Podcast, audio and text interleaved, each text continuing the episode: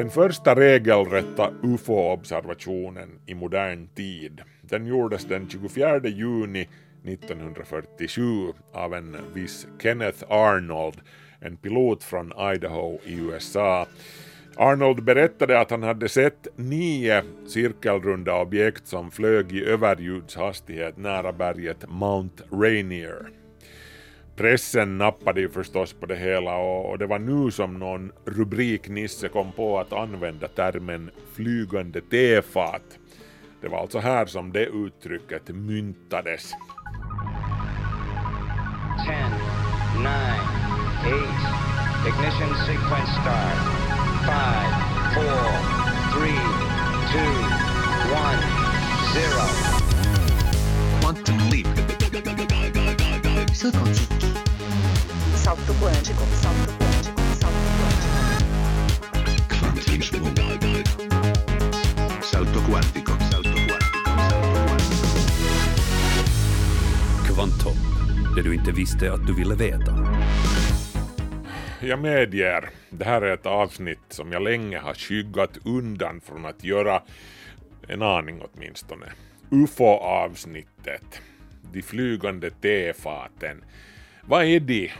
Eller vem är de? Oj söta öde, som mommo brukar säga. Nu i dagarna väntar vi ju faktiskt på det det amerikanska försvarsministeriet som ska leverera en rapport som USAs kongress har beställt.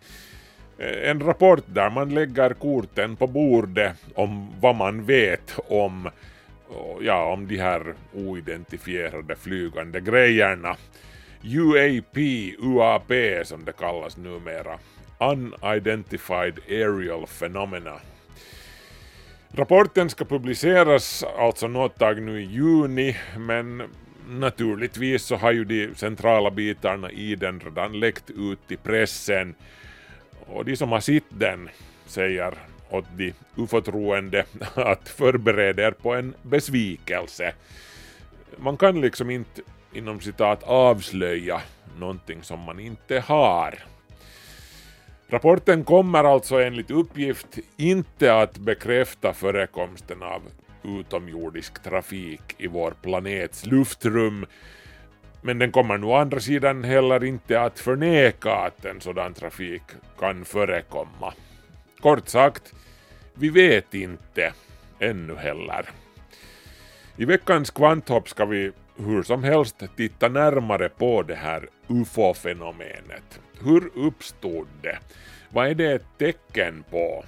Och, och vad är det som flyger omkring där egentligen? För, för någonting är det ju som folk ser. Det går inte att förneka nu längre.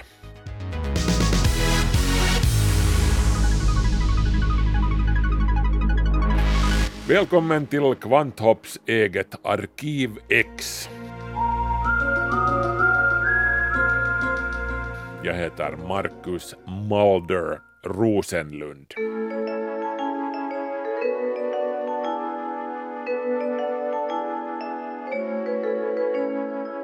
Det hände sig en sommar för flera år sedan, det var i mitten av 60-talet, att Johan och Stina, namnen är ändrade, eh, var ute och körde en kväll. Johan hade fått låna sin blivande svärfars bil, en, en sprillans ny jänkarbil. Inte nu direkt ett dollargrin på det viset, ingen Cadillac, men väldigt flott jämfört med alla den tidens Moskvitchar och, och Fiatar. Det var sent, svärfar började sannolikt bli orolig vid det här laget. Vilken där han var mera orolig för, sin dotter eller sin bil, det är sen en annan femma. Men så bråttom var det nu inte. Ännu kunde Johan kosta på sig att njuta lite. Det här var ju livet, trots allt. Högerarmen runt sin käresta och, och vänstra armbågen ut genom det öppna fönstret.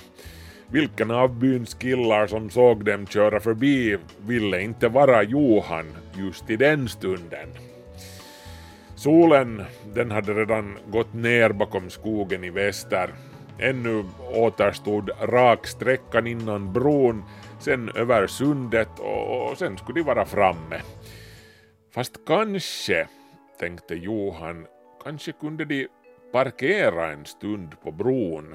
Jag menar så mycket var nu klockan inte, det är ju sommar och ljust och så vidare bortåt och, och kanske... Vad är det där? Stinas skrik fick Johan att haja till. Han stampade på bromsen för nu såg han det också. Någonting, ett flygande föremål eller ett svävande föremål, ovalt till formen, kanske 5-10 meter tvärs över, hade sänkt ner sig från skyn och hängde nu där orörligt och ljudlöst vid, vid björkarnas topp vid, vid sidan av vägen. Längs föremålets omkrets spelade ljus av olika färger. Exakt hur länge det hela pågick är varken Stina eller Johan säkra på, men de är båda överens om vad de såg. Ingen av dem sa någonting, de bara satt tysta där och gapade. Till slut började föremålet glida sakta framåt genom luften längs vägen innan det sköt upp i skyn och försvann, fortfarande utan så mycket som ett ljud och med en hög hastighet. Hur länge Stina och Johan bara satt där tysta efteråt, inte heller det kan de svara på idag. Eller exakt vad de sa åt Stinas pappa när de sent om sidor återvände.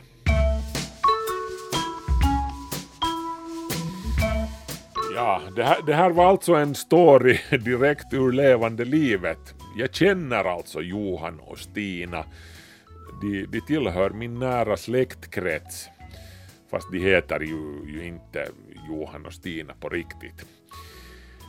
Johan och Stina är, är bägge två sansade, rationella människor med, med fötterna stadigt på jorden. Eh, de är den typens människor som antagligen skulle skratta gott åt en sån här berättelse och, och undra vad, vad berättaren har druckit om det inte vore för det faktum att det var de själva som upplevde det hela. Men nå, så berättar de ju inte heller om vad de upplevde för precis vem som helst. Bara för de närmaste inom släkt och vänkretsen. Inte för att de skäms för det, de är snarast lite roade när de berättar om det. Liksom att allt ska man se innan ögonen trillar ur skallen. Och de har alltså aldrig någonsin sett någonting motsvarande efter den där sommarkvällen på 60-talet.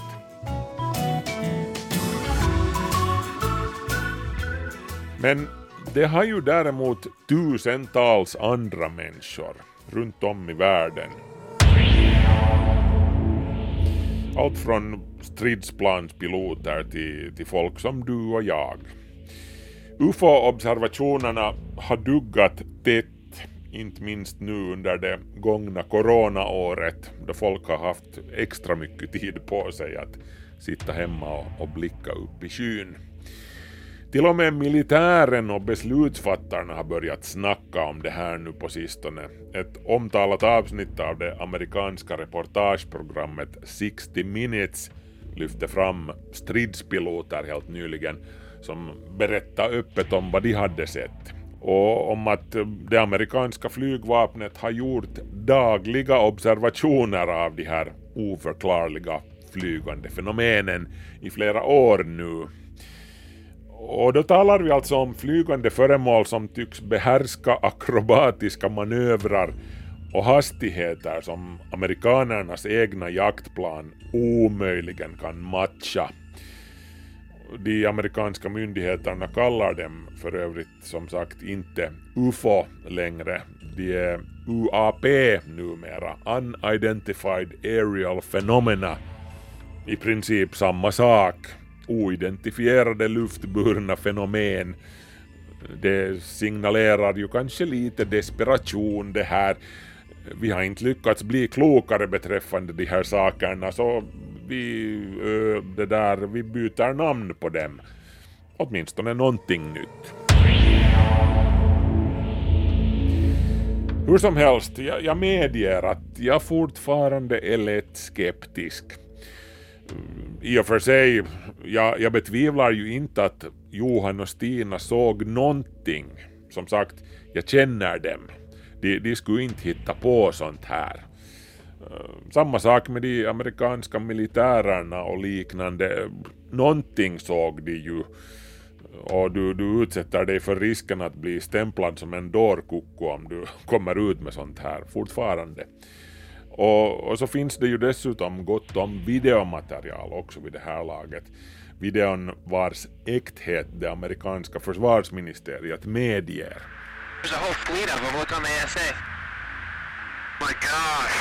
Men vad är det de föreställer sen sist och slutligen?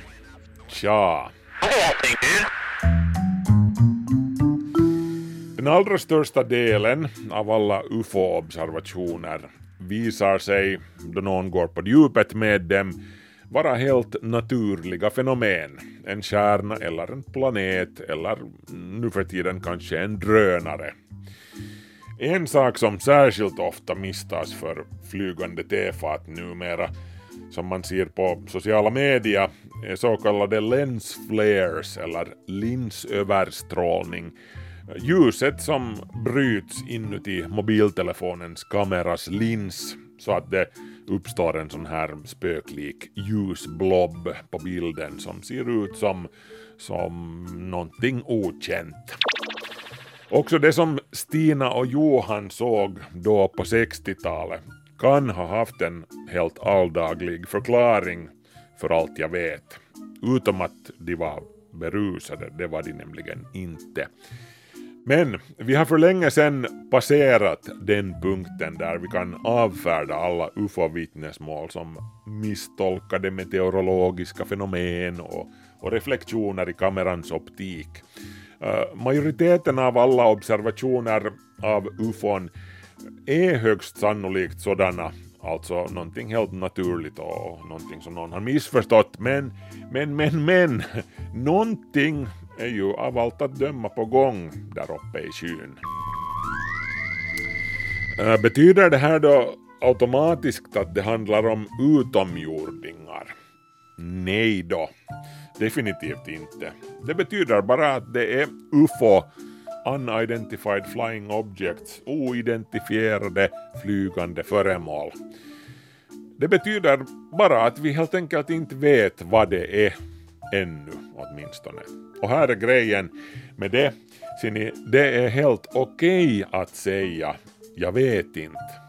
Faktum är att jag vet inte är vetenskapens främsta drivkraft. Att säga att det är utomjordingar, det, det, är egentligen bara en bekväm genväg till en förklaring. Det är att göra det lite väl enkelt för sig. Nå, i alla fall en, en liten historisk tillbakablick är kanske på sin plats här.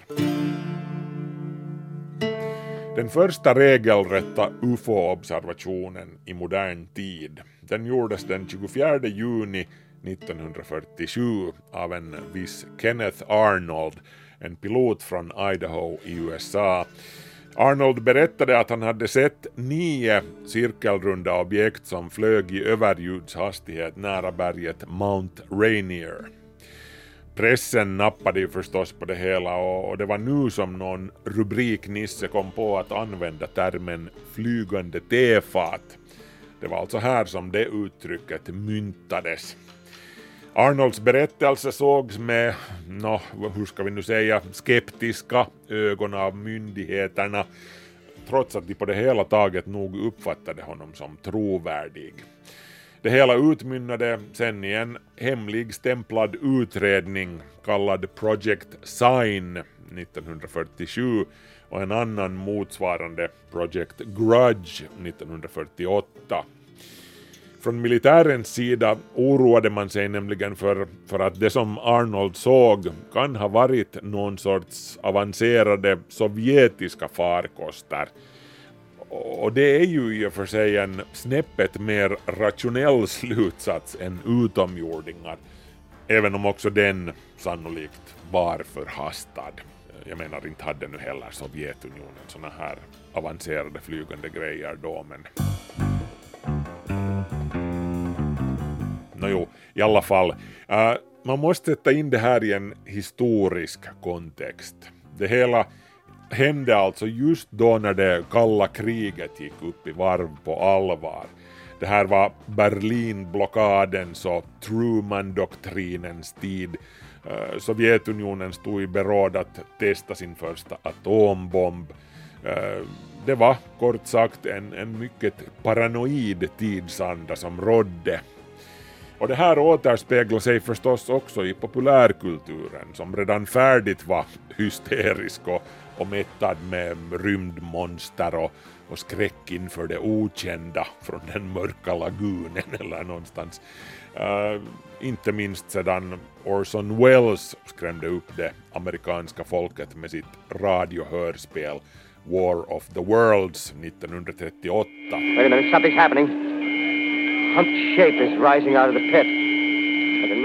Det var där som allt det började. Och, och efter det så var det de mot oss för hela slanten. Var det inte utomjordingar som var de, så var det kommunister som låg och lurade i buskaget. Så allting är med andra ord bäddat för en rejäl ufo-panik när den så kallade Roswell-incidenten brakar loss 1947. Det finns ett antal olika versioner av det som påstås ha skett då, men i ett nötskal så handlar alltså Roswell-myten om det här. En farkost bemannad av utomjordingar ska ha kraschlandat strax norr om Roswell i delstaten New Mexico. Det var en lokal fårfarmare vid namn William Brazel som anmälde till den lokala sheriffen att han hade hittat inom citat ett av de där flygande tefaten. Myndigheterna ska sen omgående ha lagt vantarna på farkosten och, och dess eventuella besättning och fört den till militärbasen i Roswell. Därefter ska underrättelsetjänsten CIA och eller försvarsdepartementet ha tagit över hela showen och mörklagt alltsammans. Enligt det vi vet idag om vad som hände handlade det om en havererad hemlig spaningsballong tillhörande Project Mogul det här projektet i fråga hade som syfte att skicka upp känsliga mikrofoner med ballonger för att lyssna efter ljudvågor från sovjetiska kärnprovsprängningar. Ballongen ska ha träffats av blixten och störtat. Fast nu jo, det här med den här biten med, med Project Mogul, det, det offentliggjordes alltså inte förrän år 1994. När det begav sig förklarade försvarsdepartementet bort det hela som en oskyldig väderballong. Delarna från kraschen visades upp på en presskonferens efteråt. Men ufo-cirkusen var vid det här laget igång i pressen och karusellen snurrade för fullt. Observationerna av påstådda flygande tefat fortsatte välla in och myndigheterna de, de följde upp Project Sign och Project Grudge med Project Blue Book, den blåa boken. För den utredningen kammade flygvapnet igenom mer än 12 000 UFO-observationer mellan åren 1952 och 1969. Inalles 701 av observationerna var sådana som man inte kunde hitta någon känd förklaring för det vill säga någonting annat än stjärnor, moln, spionplan eller vanliga flygplan och så vidare. Som sagt, oftast visar sig ufon ha en helt rationell förklaring. Nästa försök från de amerikanska myndigheternas sida att gå till botten med ufo-fenomenen inleddes 2007 då handlar det om ett projekt inom det amerikanska försvarsdepartementet kallat The Advanced Aerospace Identification Program, eller ATIP. Projekt ATIP med en budget på 22 miljoner dollar pågick mellan åren 2007 och 2012 Det kördes igång på initiativ av den demokratiske senatorn Harry Reid från delstaten Nevada. Hur det nu råkar sig så, så är Nevada alltså hem för den smått legendariska militära flygbasen kallad Area 51. I Lincoln County i Mojaveöknen cirka 200 kilometer norr om Las Vegas ligger den. Area 51 som utgår från den uttorkade sjöbottnen Groom Lake har använts som testområde bland annat för spionplanet U2 och stealthplanet F-117. Men Area 51 är ju främst känd bland UFO-entusiaster som själva ground zero för myndigheternas och militärens myglande kring UFO-frågan. Det var till Area 51 som militären ska ha fraktat det påstådda störtade flygande tefatet från Roswell-incidenten till exempel. Det är också här som militären sägs förvara tillfångatagna och döda utomjordingar. Vissa påstår till och med att amerikanerna samarbetar med utomjordingarna och att Area 51 då skulle vara det jordiska högkvarteret för ett utbytesprogram mellan aliens och människor. Ett interstellärt Erasmus-program liksom. Nå, om det här kan man ju tro vad man vill, men det som däremot är sant om Area 51 är att det amerikanska flygvapnet har använt området till att studera och testa sovjetiska MIG-jaktplan som man har lyckats komma över på ett eller annat sätt. 2019 var det ett gäng äventyrslystna ufo-entusiaster som startade ett evenemang kallat Storm Area 51 på sociala medier. Storma Area 51 likes announced a plan to raid the Air Force Base in Nevada known as Area 51, which has been at the center of UFO and alien conspiracy theories for decades. Eh, Evenemanget gick ut på att samla frivilliga till att, ja, som namnet antyder, storma själva flygbasen. De kan inte stoppa oss alla, menade man liksom. Nå, mer än 2,1 miljoner intresserade anmälde sig faktiskt till det här, men nå, bara ett par tusen eller så dök upp. Så man skippade stormandet och ordnade ett ufo-party istället. Hur som helst, projektet Advanced Aerospace Identification Program, ATIP, det vill säga, som skulle gå till botten med UFO-frågan, den det här projektet inleddes alltså i, i slutet av president George W. Bush ämbetsperiod och, och det hela pågick några år in på president Obamas tid i Vita huset. Det här är vad president Obama själv hade att kommentera om sin andel i det hela när han deltog i James Cordens Late Late Show på amerikanska CBS nyligen. The, tr the truth is that when I came into office, I asked, right? I, I, was like, all right, you know, is there the lab somewhere where we're keeping the uh, alien specimens? And Obama var noga med att påpeka att han faktiskt frågade om de här hemliga UFO-aktiviteterna som ska ha pågått i Area 51 och annorstädes. De, eh, vilka de nu sen än är, eh, lovade återkomma till Obama med saken. Men svaret blev alltså nej. My, you know, they did a little bit of research and uh, uh, the answer was no. Uh, Inga utomjordiska aktiviteter där. Men det finns faktiskt också ett och annat korn av sanning här, fortsätter Obama. uh, and I'm, I'm actually being serious here, is, is that uh, there are uh, there's footage and records of objects in the skies that we don't know exactly what they are. We can't explain. Det stämmer alltså, säger Obama, att det har förekommit observationer som inte går att förklara. Vi vet inte vad de här föremålen är, vi vet inte hur de kan röra sig så fort som de gör, men myndigheterna tar det hela på allvar, säger Obama, och gör utforskningar för att försöka ta reda på vad det är. Och jag menar, vad mer kan man kräva av myndigheterna än så? Huvudsaken är väl att man berättar vad man vet så att vetenskapen sen kan hjälpa till med att försöka förklara det hela. Det är ju nog i och för sig förståeligt att det har rått en anda av sekretess och förnekande kring ufo-fenomenen så pass länge som det har gjort.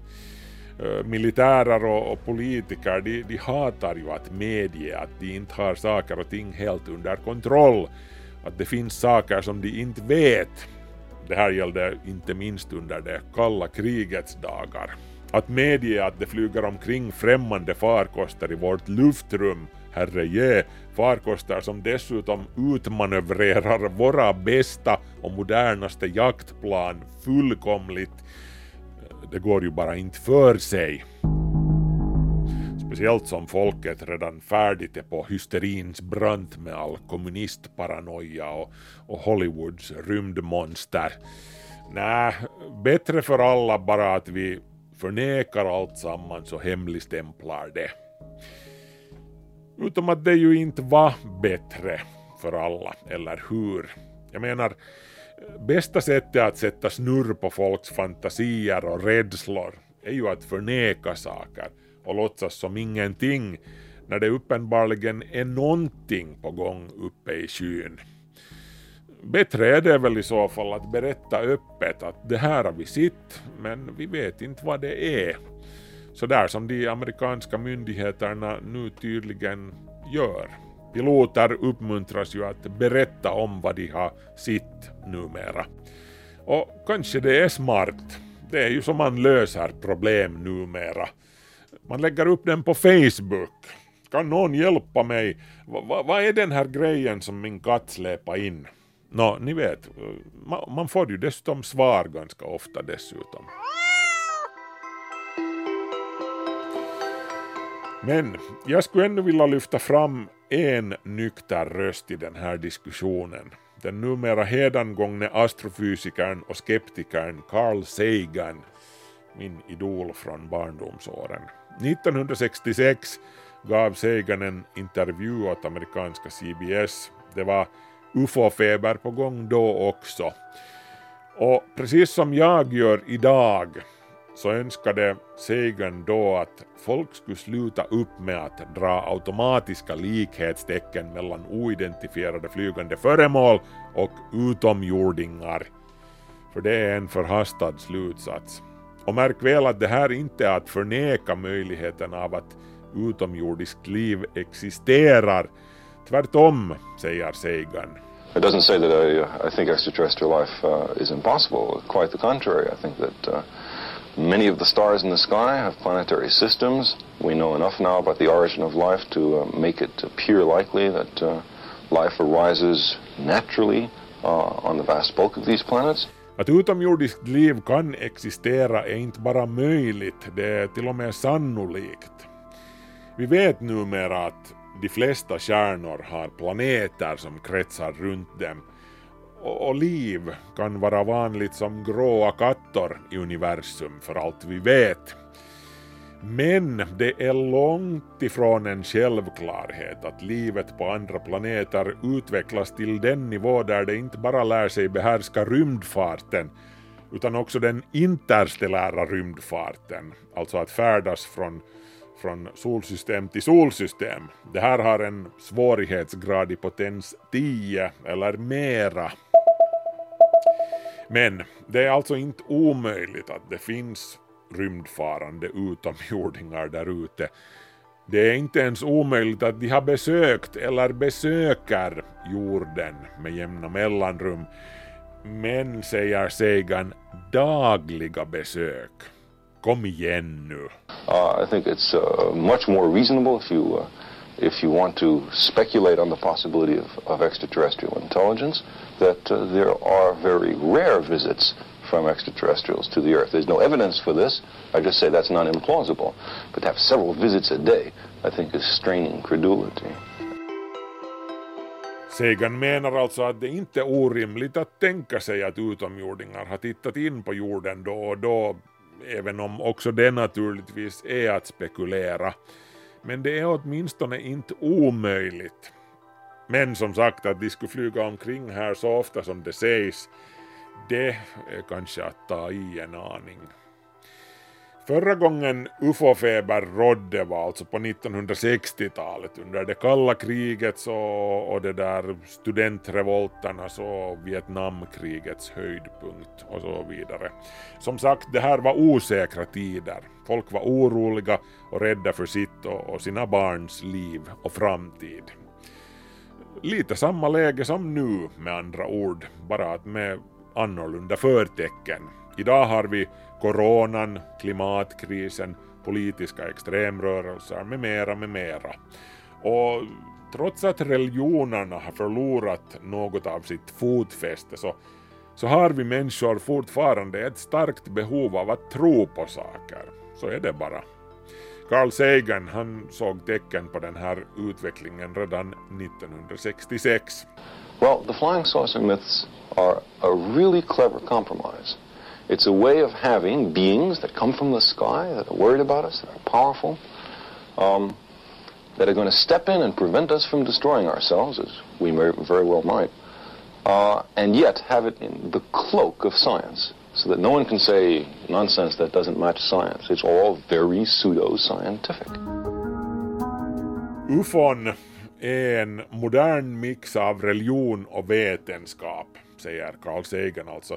De, de har ett vetenskapligt element, eller åtminstone kan man lätt föreställa sig ett sådant element i dem. Det har med rymden att göra åtminstone och, och så vidare. Men lyssnar man på, på de här som påstår sig ha, ha träffat de här utomjordingarna till och med, så handlar det ju samtidigt om gudalika eller åtminstone superavancerade varelser som, som kommer från skyn dessutom. De observerar oss. Av allt att döma så, så är de välvilliga. De, de vakar över oss enligt vissa. De kommer att rädda oss om vi går för långt i vår iver att förstöra planeten. Det finns ju ett starkt element av religiös pseudovetenskap i det hela, säger Carl Sagan.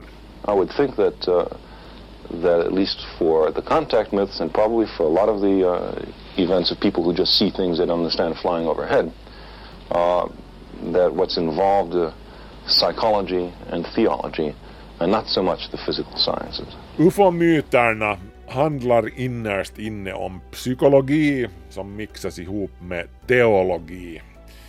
Men sist och slutligen innehåller de väldigt lite naturvetenskaper och oerhört lite fysik och matematik.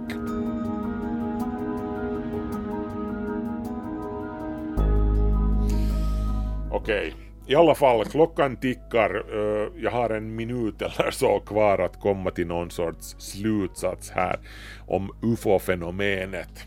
Vad tror jag själv att det handlar om sist och slutligen? Nå, ärligt talat så, ö, jag har ingen aning.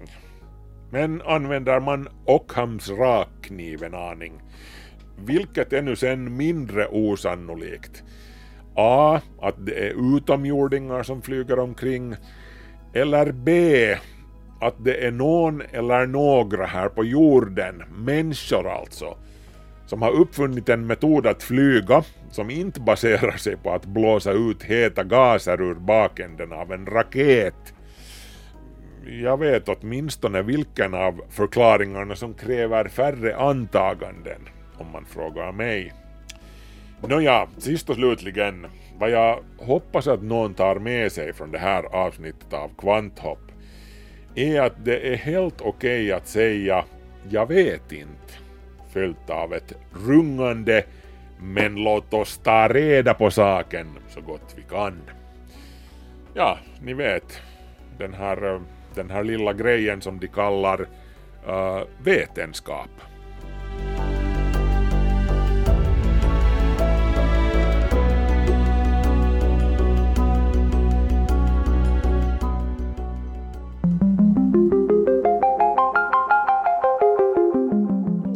Har det blivit dags att återvända till jorden från sfärerna.